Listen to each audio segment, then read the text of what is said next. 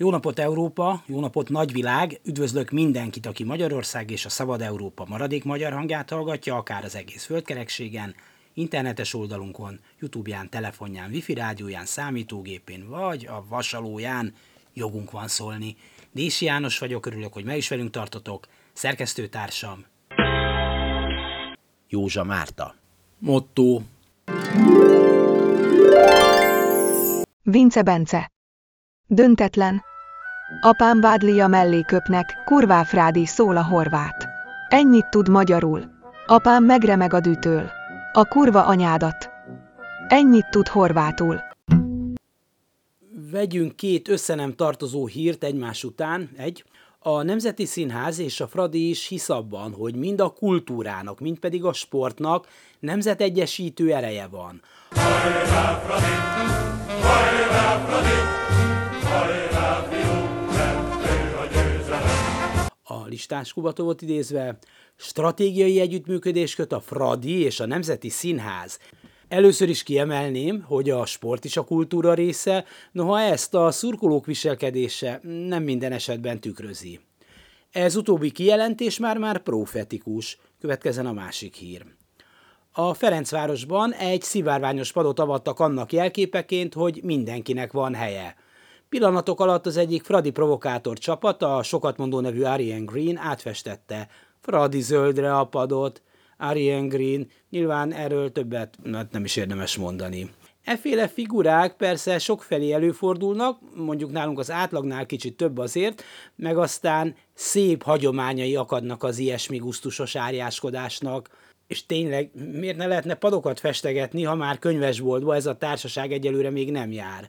A könyvesboltban az értelmiség megbizotjai fóliáznak, olyanok, akiket állítólag a legjobb magyar egyetemen képzettek utasítottak erre. De ha nem is a legjobb, akkor biztos, hogy a legdrágább, még akkor is, ha a rájuk költött pénz egy része, hát esetleg elpárolog bizonyos zsebekben. Lásd még Matthias Corvinus. Szóval, az értelmiség a könyvesboltban dolgozik a gyűlölködésen, a kétkezi zöldárják pedig padokat festenek és úgy buziznak.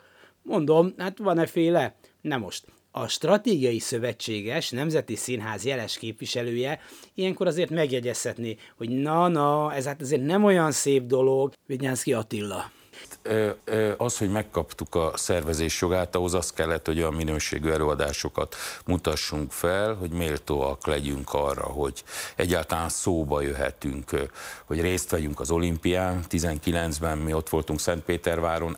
Tessék korhadópadokat, lepattogzott festékű játszótéri mászókákat mázolni, ha már annyira mázolhatnék, van a kedves és kulturális szövetséges árjáknak ahogy a Fradi illetékes akárkiei meg fő és alszurkoló is megjegyezhetnék, hogy hát ez mint a túlzás lenne, de ilyenről labzártánként nem kaptunk értesítést. Milyen szép lenne, ha a kultúra képviselői segítenének a kedves és erre rászoruló fradistáknak elmélyedni irodalomban, zenében. Nem csak egy nagy kapáslövés lehet szép, hanem egy monológ is.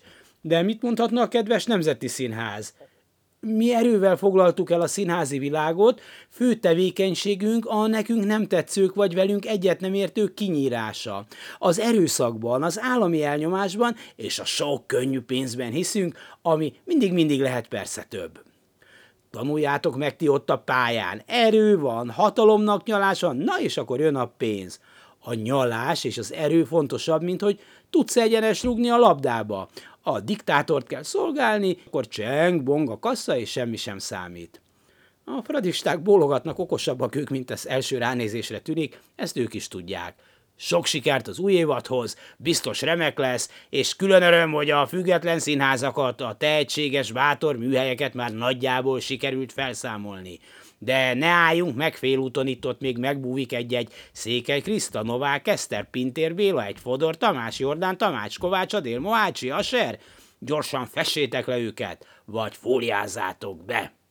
A stratégiai együttműködés tehát hatalmas potenciálokat rejt magában.